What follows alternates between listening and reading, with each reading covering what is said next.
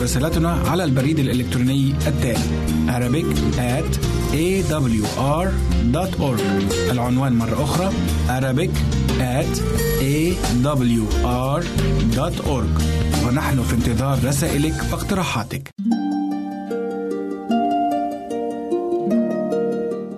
أعزائي المستمعين والمستمعات نود أن نعلمكم بتغيير ترددات البث لبرامجنا ابتداء من السادس والعشرين من مارس آذار 2017 على النحو التالي. للجمهورية الليبية سيبدأ البث الصباحي في الساعة السادسة بتوقيت جرينتش بتردد مقداره 11880 بطول 19 كيلومتر. والبث المسائي في الساعة السادسة بتوقيت جرينتش بتردد مقداره 11985 وبطول 25 كيلومتر. ولمنطقة شبه الجزيرة العربية والعراق ومصر يبدأ البث الصباحي الساعة الخامسة بتوقيت جرينتش بتردد مقداره 17780 بطول 19 كيلومتر. والبث المسائي الساعة السابعة بتوقيت جرينتش بتردد مقداره 11680 وبطول 19 كيلومتر. لمنطقة المغرب العربي يبدأ البث الصباحي الساعة السابعة بتوقيت جرينتش بتردد مقداره 15225 بطول 19 كيلومتر. والبث المسائي الساعة السابعة بتردد مقداره 11800 بطول 25 كيلومتر. نشكركم أعزائي على استماعكم لراديو صوت الوعد.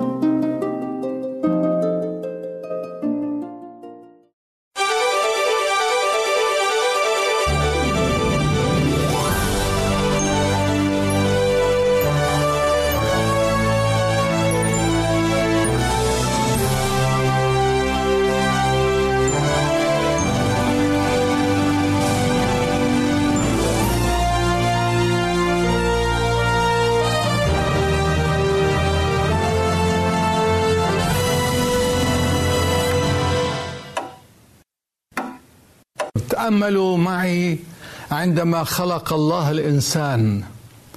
خلقه يقول الكتاب المقدس على صورته وعلى مثاله. وقال هو ذا الإنسان صار كواحد منا.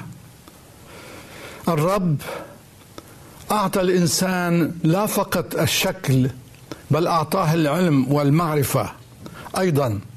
لكن بعد التعدي الإنسان خسر الكثير من المعرفة.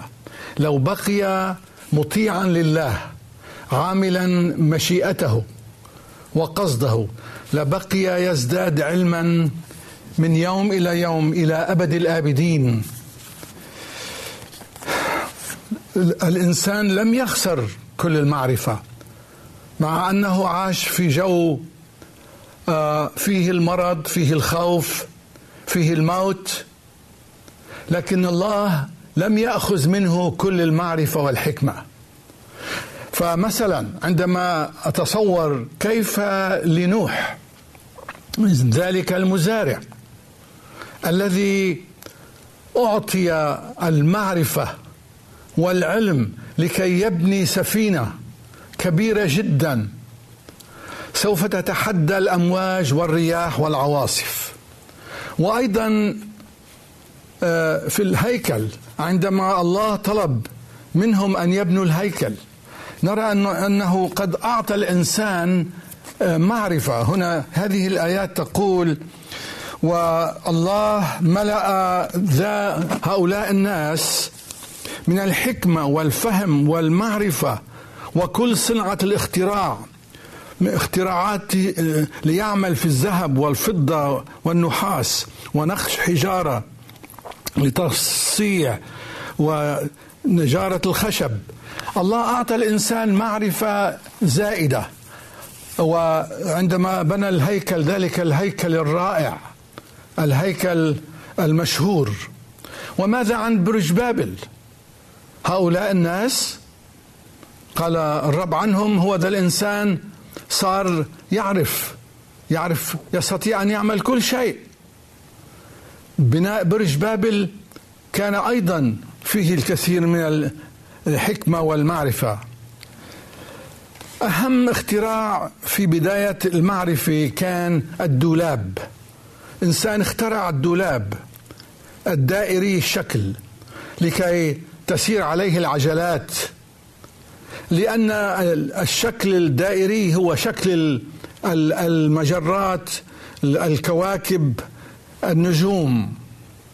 علماء اليوم والمهندسون محتارون كيف للمصريين القدماء أن يبنوا الإهرامات.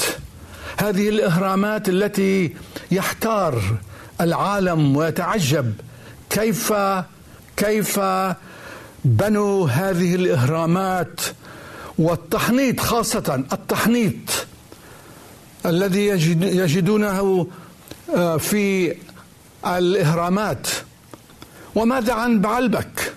تلك المدينة التي هي آه، رائعة الشكل. هذه الصخور والحجارة الضخمة الكبيرة.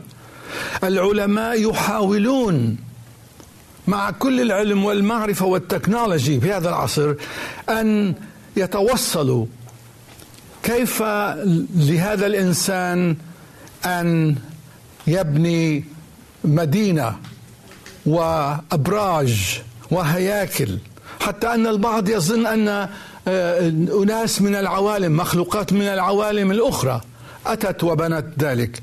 آه، هناك في أمريكا اللاتينية المايا المايا في أمريكا الشمالية. أيضا آه، تركوا اثارا رائعة رائعة جدا. يقولون حتى الإنسان اليوم بعد ستة ألاف سنة يقولون أنه كان أذكى من إنسان اليوم. وربما نتساءل بد... إنسان القديم كان بعده يمشي على آه، يستعمل العربات الخيل ويستعمل الأشياء البسيطة البدائية.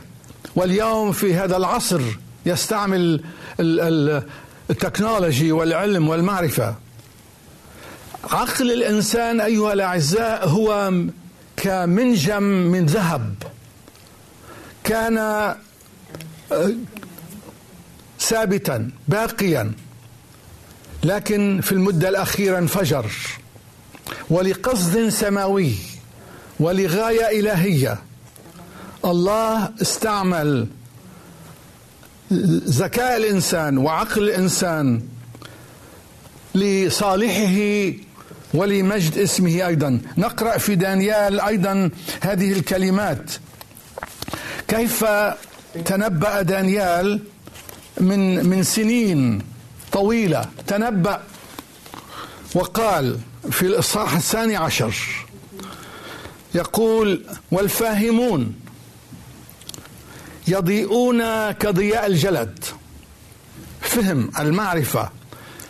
والذين ردوا كثيرين إلى البر كالكواكب إلى أبد الدهور. أما أنت يا دانيال فاخفي الكلام واختم السفر إلى وقت النهاية كثيرون يتصفحونه والمعرفة تزداد. المعرفة أيها الأعزاء ازدادت بشكل سريع جدا. حتى دانيال نفسه عندما كتب هذه النبوات عن المستقبل لم يكن يعرف تماما ماذا سيحدث. ولو قام دانيال اليوم وشاهد ما في العالم من اختراعات على الأرض وفي الفضاء وفي أعماق الأرض لتحير. المعرفة تزداد. هكذا الكتاب المقدس. زيادة المعرفة لماذا؟ لماذا ازدادت المعرفة؟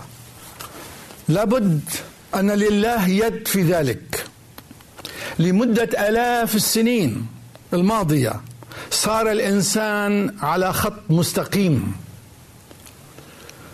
ولكن بأمر إلهي ومن حوالي 150 سنة انفجر عقل الإنسان وقفز الإنسان قفز الإنسان وبأمر إلهي وبدأ في الارتفاع بداية الاختراعات السفن العجلة كانت كما قلت الحيوانات التي كانت تجرها لكن اخترع الإنسان من الطبيعة قوة من البترول القطار البخاري.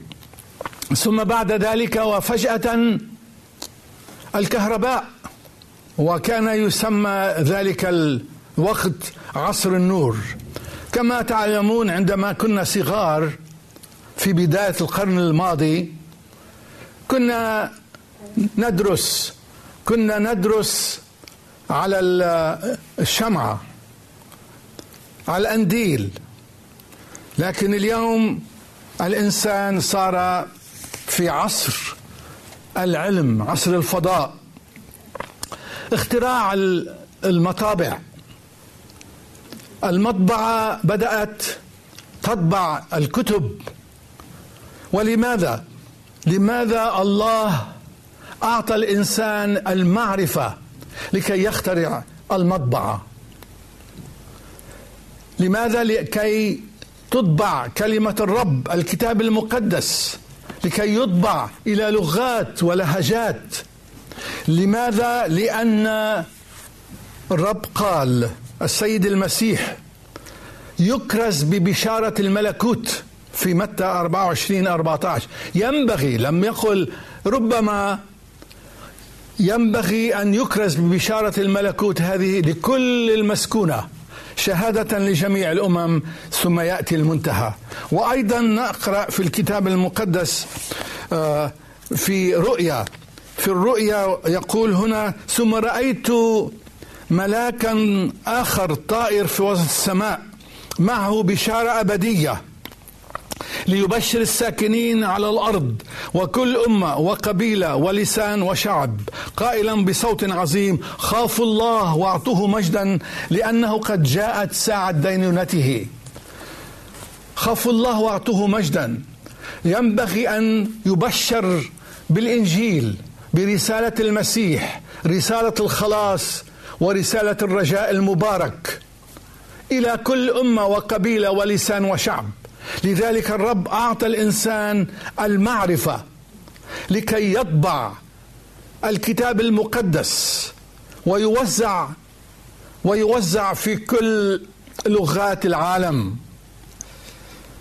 لكن هناك قوة أيها الأعزاء لا المطابع ولا التلفزيون ولا الراديو ولا أي شيء يستطيع أن يحمل ويكمل رسالة المسيح للعالم إلا بواسطة الروح القدس.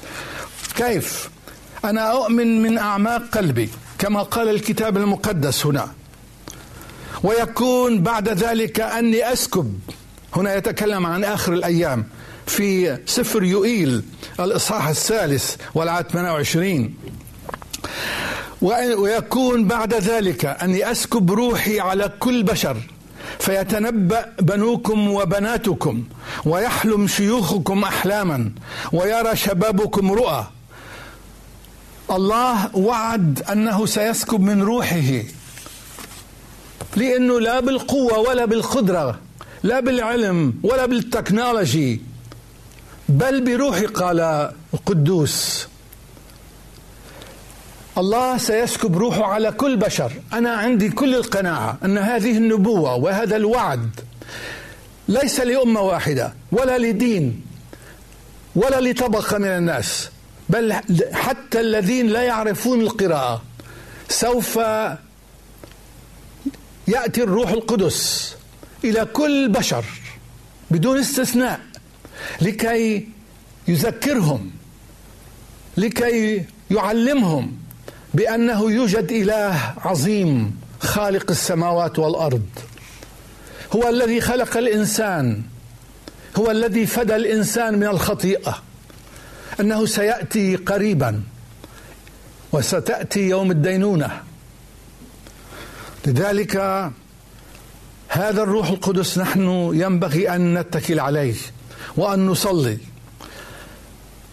مثلا نوح بشر العالم. يقول قبل الطوفان الله قال لنوح بشر العالم. كانت هناك لغة واحدة. كان سهل. وكان عدد الناس لا يتجاوز عشرات الألوف. في أيام التلاميذ كانت هناك لغات كثيرة. لكن المسيح حسب أمره أعطاهم الروح القدس.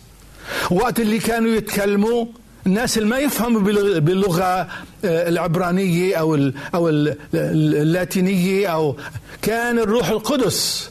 عندما كان بطرس يتكلم ذلك الصياد الذي أعطاه الرب الروح القدس كما المسيح وعدهم ستنالوا القوة من الأعالي. وبالفعل التلاميذ أخذوا الروح القدس استلموا الروح القدس قبلوه وبدأوا يبشرون بالمسيح المخلص. وكان مرة في 13 آه، لغة عندما كان بطرس يتكلم. كل واحد منهم كان يسمع بلغته. ليش؟ لأن الروح القدس كان يتكلم معهم.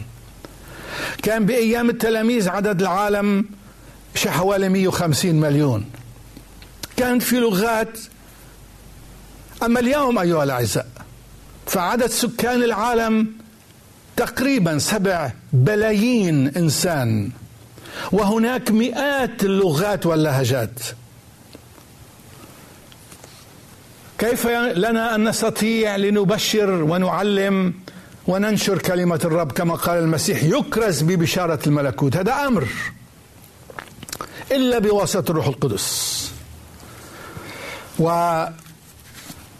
وكلنا اليوم نتعجب من مقدرة الإنسان عندما ابتعد في الفضاء الخارجي. الفضاء الخارجي بدأت السرعة تزداد. نيوتن العالم بالفلسفة والرياضيات كان يؤمن بالخالق. تنبأ عن سرعة آلة من صلع الإنسان حوالي ستين كيلومتر. استهزأ به فولتير ذلك الفيلسوف الملحد وقال يا حرام نيوتن خرفان كيف للإنسان أن يخترع آلة تسير ستين كيلومتر؟ تأملوا لو قام الآن نيوتن وفولتير وشهدا وسمعا أن سرعة المركبة الفضائية حوالي 35 ألف ميل في الساعة. الله الخالق لا فقط أخبر بل قال ينبغي أن تزداد المعرفة. في حبقق هنا أيضا نبوة. الله أعطى الإنسان المعرفة لكي ينشر الكلمة والمعرفة عن عن الله لا فقط عن العلم وعن الرياضيات وعن الهندسة والأشياء. لأن الكتاب المقدس يقول فأجابني وقال اكتب الرؤيا وانقشها على الألواح لكي يركض قارئها لأن الرؤيا بعد إلى الميعاد وفي النهاية تتكلم ولا تكذب. إن توانت فانتظرها. لأنها ستأتي أتيانا ولا تتأخر. لأن الأرض تمتلئ من معرفة مجد الرب كما تغطي المياه البحر. هناك من تنبأ وقال إن العالم ومعرفة الله إن العلم ومعرفة الله سوف تكون كأوراق الخريف. في كل مكان. واليوم نرى ملايين المطابع تطبع كلمة الرب وتشاركها مع الآخرين. أنا أتذكر أيها الأعزاء أول سيارة آه، أتت للضيعة. وكنا نحن الأولاد نركض آه، ونفرح. وبعدين نحن وما نطلع شفنا الطيارة من فوق وكنا نغني طيارة طارت في الجو فيها عسكر فيها ضوء. كنا نتعجب. وبعدين عندما القمر الاصطناعي أول ما آه، ارتفع في الجو نسهر كل الليل وننظر لكي نرى شعاع بسيط في الفضاء.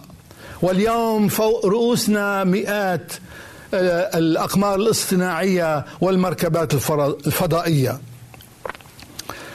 آه، كان في بالضيعة تليفون حتى ما بضيعتنا كان بضيعة تانية التليفون كنا نركض حتى نروح لحتى نخبر نسأل آه، طبيب واليوم يا أيها الأعزاء كل إنسان في كل العالم حتى على جبال هيمالايا أو في صحراء سيناء آه، هناك من يحمل السل التليفون. كل واحد صار عنده تلفزيون. تتذكر وقت اللي كان في آه، شيء اسمه صندوق الفرجي. كنا شوف شخص يحمل على ظهره صندوق كبير.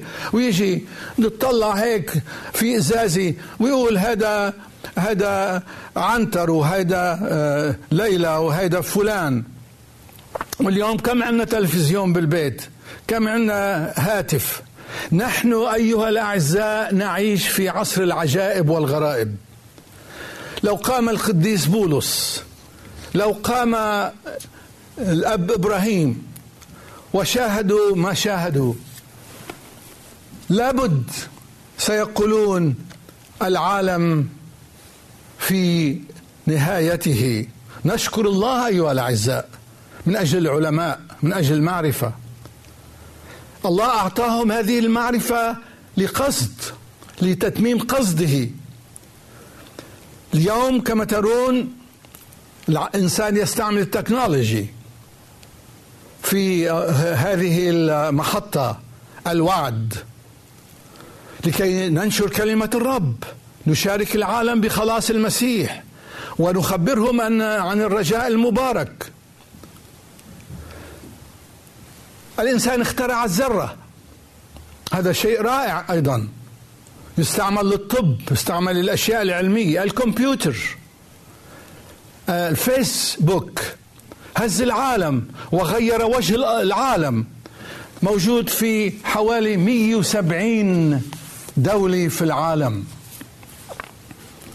لكن هذه الاختراعات أيها الأعزاء التي الله أعطى الإنسان المعرفة تحولت إلى ضرر تحولت إلى خطر. ونرى أن هناك نبوة في أشعياء 24 50 الأرض تدنست تحت سكانها لأنهم تعدوا الشرائع غيروا الفريضة نكسوا العهد الأبدي. لذلك لعنة أكلت الأرض وعوقب الساكنون فيها. ارتفاع درجة الحرارة بسبب الاختراعات الحديثة التلوث الرهيب الذي يحدث بسبب السيارات والمعامل. أعطى حرارة عالية بالفضاء. مما أدى إلى ذوبان الثلوج في القطب الشمالي والجنوبي. بدأت الثلوج تذوب بسرعة هائلة مخيفة حتى أن مياه المحيطات ترتفع ارتفعت. ويقال بأن هذا الارتفاع سيؤدي إلى كوارث على الشواطئ. عندما تأتي السنامي التلوث المخيف أثر على الهواء فصار ملوث بسبب السيارات وبسبب المعامل. هناك أيضا سيول هائلة في مناطق كثيرة حرائق. السبب هو أيضا ارتفاع درجة الحرارة. ومع الأسف المعرفة التي أعطاها الله للإنسان لكي تمجد الرب ولفائدته. يقول الكتاب المقدس الله خلق الإنسان مستقيما أما هم فطلبوا لأنفسهم اختراعات كثيرة. البترول هذا البترول أيضا عندما انفجرت الآبار في المحيط في أمريكا 100 200 مليون طن غطى شواطئ السواحل هناك. وقتل الطيور وأمات المزروعات. الذرة التي حدثت وسببت الويل في روسيا في الاتحاد السوفيتي قبل. وما حدث مؤخرا في اليابان. كانت ارتفعت درجة الحرارة في ذلك المولد الذري إلى 300 مرة أكثر من العادة. وهذا أيها الأعزاء سبب كثير. الكثير من الويل والخوف. هناك معرفة هناك معرفة الله أعطاها للإنسان في كل زمان ومكان. المعرفة الحقيقية أيها الأعزاء ليس أن نخترع آلة تفيد العالم لكنها تضر من جهة ثانية. قال السيد المسيح في صلاته في يوحنا 17 هذه هي الحياة الأبدية هذه هي الحياة الأبدية أن يعرفوك أنت الإله الحقيقي وحدك ويسوع المسيح الذي أرسلته. لأعرفه قال القديس بولس هذه هي المعرفة. لأعرفه وقوة قيامته وشركة آلامه متشبها من موته. العلم والتكنولوجي هذه بركة. لكنها أيها الأعزاء ليست هي المعرفة التي يريدها الله لنا فقط. ينبغي أن نعرف عن الله كما عرف دانيال عندما دانيال آه، اختبره الملك وجده هو ورفاقه عشرة أضعاف في المعرفة والحكمة. يوسف عندما يوسف أيضا فسر أحلام فرعون وجد فيه كما قال روح الله وجدت فيك روح الله القدوس وأن عندك المعرفة. لذلك يوسف الصديق الذي عرف معرفة القدير فسر لذلك الفرعون عن الأحلام التي رآها وأنقذ مصر وأنقذ العالم. وفرعون مجد الله وشكر الله وبارك يوسف وأكرمه. لأن الذي يكرم الله قال الكتاب المقدس أكرم الذين يكرمونني. الله أكرم هؤلاء الفتيان لأنهم استعملوا المعرفة لمجده ولفائدة العالم. الله يبارك الجميع. آمين.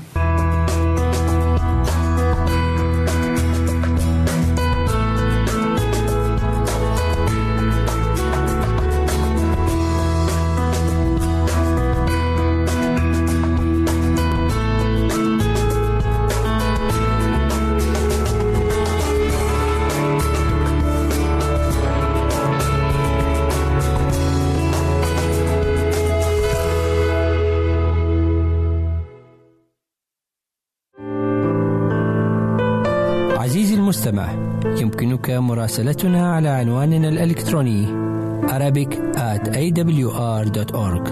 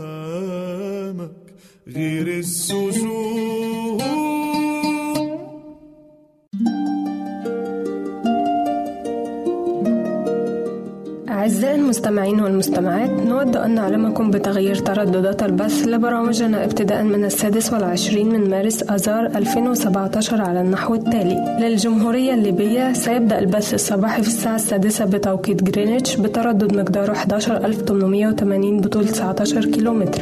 والبث المسائي في الساعة السادسة بتوقيت جرينتش بتردد مقداره 11985 وبطول 25 كيلومتر. ولمنطقة شبه الجزيرة العربية والعراق ومصر. يبدأ البث الصباحي الساعة الخامسة بتوقيت جرينتش بتردد مقداره 17780 بطول 19 كيلومتر. والبث المسائي الساعة السابعة بتوقيت جرينتش بتردد مقداره 11680 وبطول 19 كيلومتر. لمنطقة المغرب العربي يبدأ البث الصباحي الساعة السابعة بتوقيت جرينتش بتردد مقداره 15225 بطول 19 كيلومتر. والبث المسائي الساعة السابعة بتردد مقداره 11800 بطول 25 كيلومتر. نشكركم أعزائي على استماعكم لراديو صوت الوعد.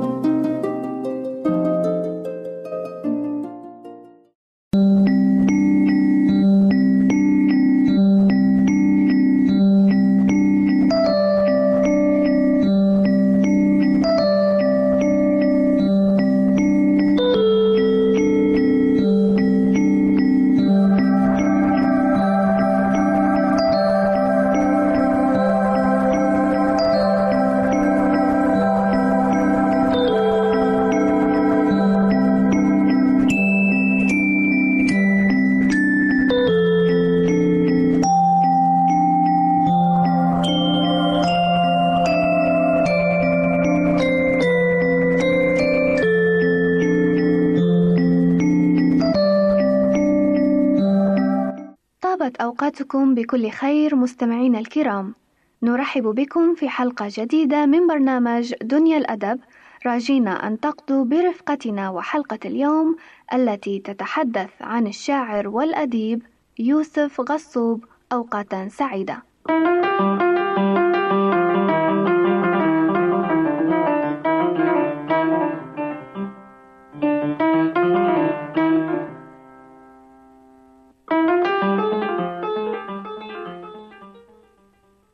قد يبدو هذا الاسم غريبا بعض الشيء للبعض منا لأننا لم نسمع عنه من قبل فإذا كان الأمر كذلك يسرني أن أدعوكم لقضاء الوقت القادم معي ونحن نتحدث باختصار عن حياة هذا الأديب والشاعر الذي عرف بدقة الملاحظة وعمق التفكير وبأنه صاحب النكتة اللطيفة والكلمة المختارة والعبارة الموسيقية الوقع. ولد يوسف غصوب في لبنان سنة 1893 زاول الشعر منذ بداية عمره. وتعاطى الصحافة. فنشرت مقالاته في مختلف الجرائد والمجلات اللبنانية والعربية. كما تعاطى الترجمة فشغل رئاسة دائرة الترجمة أيام الانتداب الفرنسي. ورئاسة المجلس الثقافي في المتن. توفي في عام 1972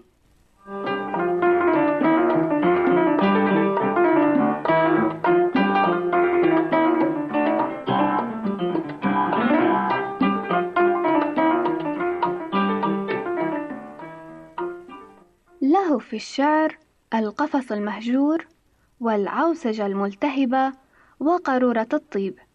أما في النثر فله قصص وروايات موضوعة ومترجمة وكتاب شهير يحمل عنوان أخلاق ومشاهد وفيه تظهر موهبته في نقد آفات المجتمع.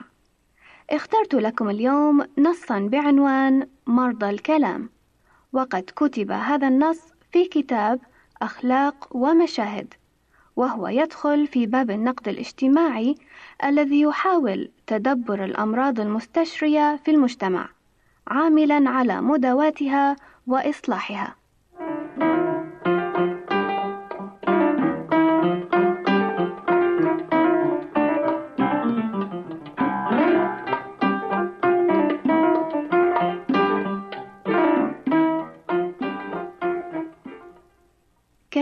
سمعنا أقوالا وحكم تتحدث عن حفظ اللسان وضبطه وعن نوعية الكلام الذي نتكلم به وما إلى ذلك من حديث. فمثلا يقال لسانك حصانك إن صنته صانك. وكذلك يقال الثرثرة الحمقاء أصل كل بلاء. أما الحكيم سليمان فقد قال كثرة الكلام لا تخلو من معصية. أما الضابط شفتيه فعاقل كما أن السيد المسيح قال في إنجيل متى الإصحاح الثاني عشر والآية السادسة والثلاثين الكلمات التالية أقول لكم إن كل كلمة بطالة يتكلم بها الناس سوف يعطون عنها حسابا يوم الدين لأنك بكلامك تتبرر وبكلامك تدان. أما اليوم فسنستمع إلى ما كتبه لنا يوسف غصوب حول هذا الموضوع وهو يبين لنا نفسية هؤلاء الناس الثرثارين وتفاهتهم وآثارهم السيئة على أنفسهم والآخرين.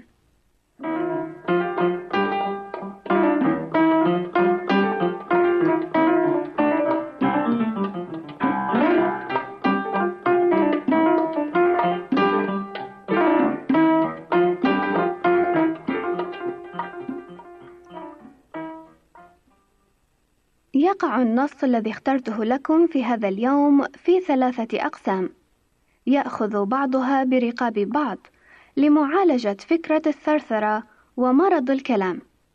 تتناول الفكرة الأولى نفسية الثرثرين المريضة، وولعهم بحشد الكلام الفارغ مما يدفعهم إلى إيقاف المارة في الطريق وإزعاج الآخرين. ويستطرد القسم الثاني إلى تفاهة الثرثارين وما يقومون به من تصرفات تتنافى وأبسط مفاهيم الذوق والثقافة مثل الإلحاح في السلام والاسترسال في الكلام على أمورهم الشخصية. ويخلص أخيرا في الجزء الثالث إلى الكلام عن آثارهم السيئة والمتنوعة بتنوع ألسنتهم. فمن الألسنة ما يحمل إلى صاحبه الوبال ومنها الألسنة المحرقة النمامة والكاذبة والمهلكة التي تشترك جميعا في الفساد والإفساد.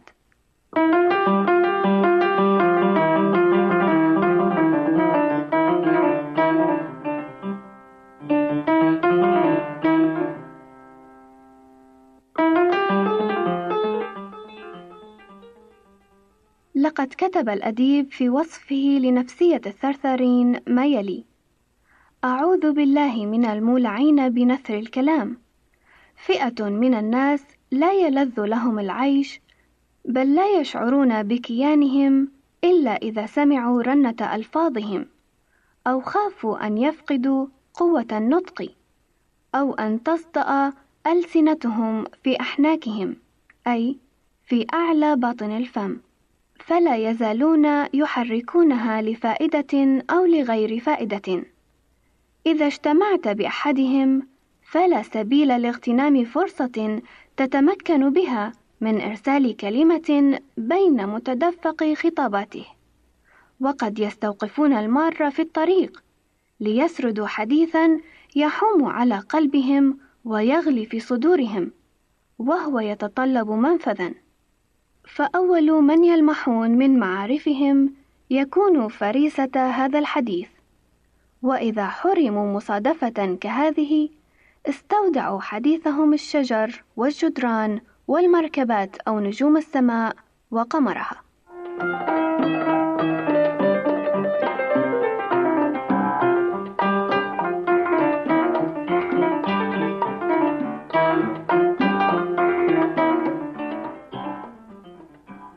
أما في وصفه لتفاهة الثرثارين فقد قال: مرض مزمن ومنه ما يقتل صاحبه أو غير صاحبه، وأهون ما ينال المرء منه الضجر والتأفف، ففلان إذا لقيك في الطريق سلم وأكثر في السلام، وسألك عن الأهل والإخوان وعاود السلام لا ينتظر جوابا، إنما عليه أن يسأل فهو يسأل، ثم يندفع في الإخبار مما جرى له في حياته، وعما رأى منذ هنيهة، وكيف لبس ثوبه فإذا فيه لطخة فاضطر إلى تغييره، وكيف يقاسي مر الألم في إبهامه، وما قال له الطبيب أن يضع عليه كذا وكذا، ثم يصل الإبهام بكلبه وحيواناته الداجنة، وزوايا بيته وما هنالك من أمور مختلفة،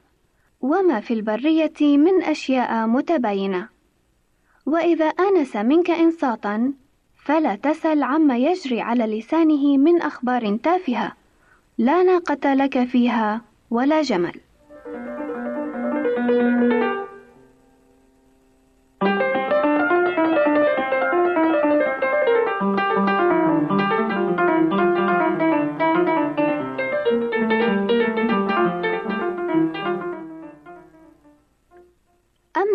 آثارهم المسيئة فيقول: ومن الناس من يقتل نفسه بكلامه بغير فائدة ولا مدافعة عن مبدأ، ولا سعيا وراء شهرة، إنما تلك اللحمة التي بين شدقيه أبت إلا النطق، فنطقت وكان نطقها وبالا عليه وعليها. وهناك بعض منهم يحملون ألسنة محرقة. لا تمر بشيء إلا تركت عليه أثرا من لهيبها الألسنة النمامة والألسنة الكاذبة والألسنة المهلكة أتريد أن تعرف ما الألسنة المهلكة؟ أرأيت يوما آلة حصاد؟ أرأيت الزرع كيف يكون واقفا على سوقه ثم تمر تلك الآلة فتلويه على الجانبين؟ تمر فتحني السنابل رؤوسها وتتمدد. تهوي بعد أن كانت عالية. هكذا تلك الألسنة. تمر ببعض الناس فتلسعهم. ثم تعود فتشعل فيهم نارها. ثم تعود فتؤججها ولا تزال حتى تترك ما كان من السمعة الحسنة والفضيلة الطيبة رمادا منثورا. أعزائي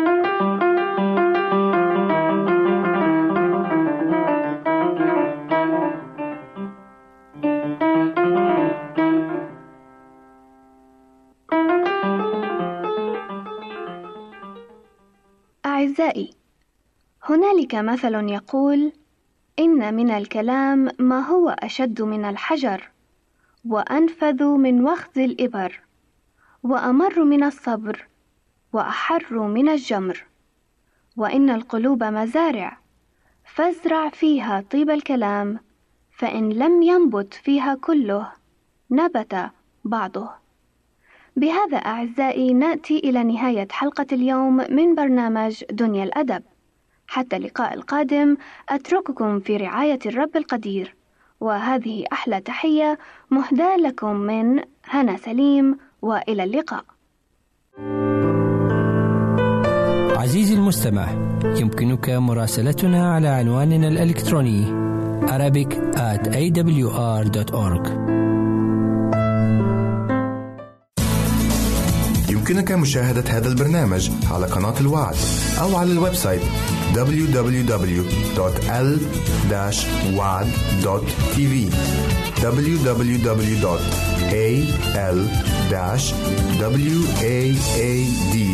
www.al-waad.tv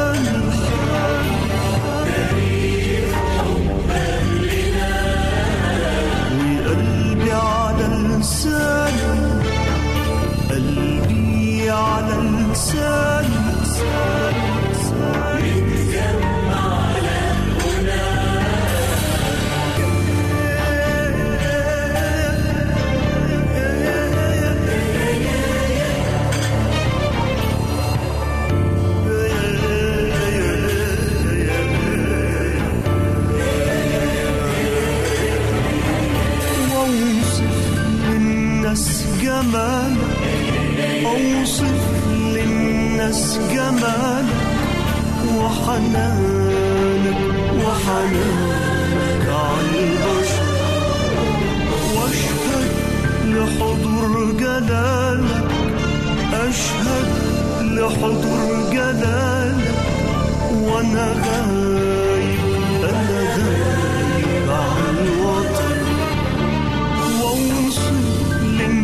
للناس جمالك اوصف للناس جمالك وحنانك وحنانك على البشر واشهد لحضور جلالك اشهد لحضور جلالك وأنا غايب أنا غايب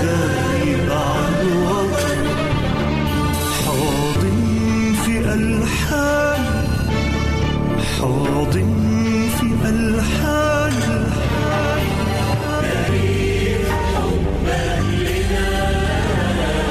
قلبي على اللسان قلبي على اللسان.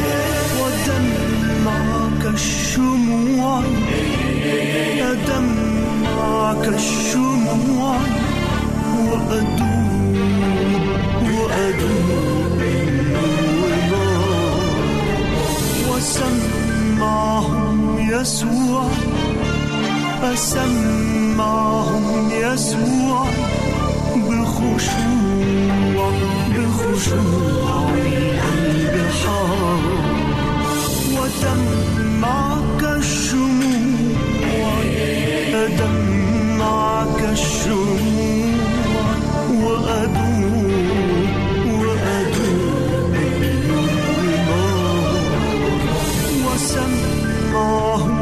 يسوع أسمعهم يسوع بخشوع بخشوع القلب حار حاضن في ألحان حاضن في ألحان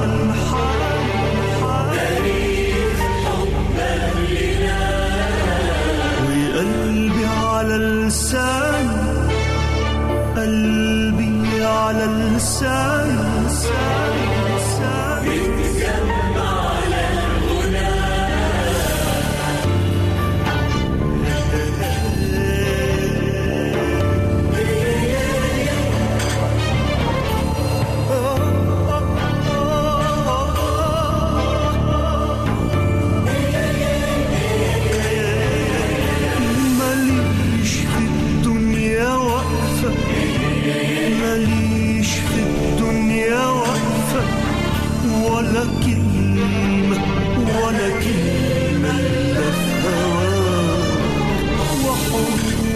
ترانيمي شايفة حروف ترانيمي شايفة أسرار أسرار غناها في غناك ماليش في الدنيا واقفة ماليش في الدنيا واقفة ولا كلمة ولا كلمة حروف ترانيم شايف حروف ترانيم شايف أسرار أسرار غناك ألحان حاضن في ألحان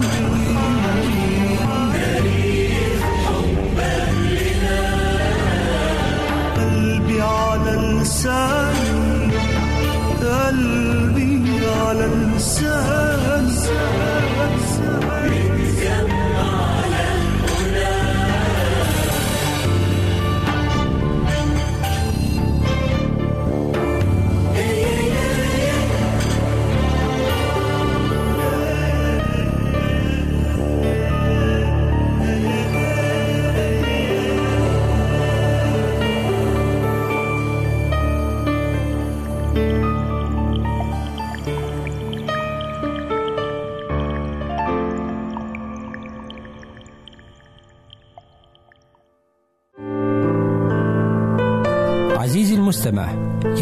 مراسلتنا على عنواننا الإلكتروني Arabic at awr.org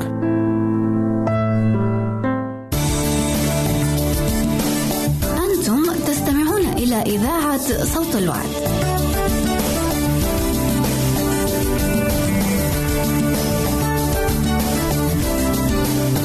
عزيزي المستمع يمكنك مراسلتنا على البريد الإلكتروني التالي Arabic at awr.org العنوان مرة أخرى Arabic at awr.org ونحن في انتظار رسائلك واقتراحاتك.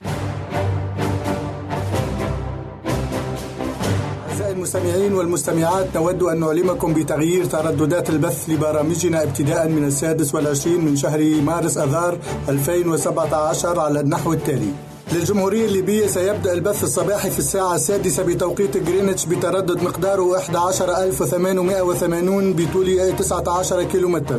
والبث المسائي في الساعة السادسة بتوقيت جرينتش بتردد مقداره 11985 وبطول 25 كيلومتر.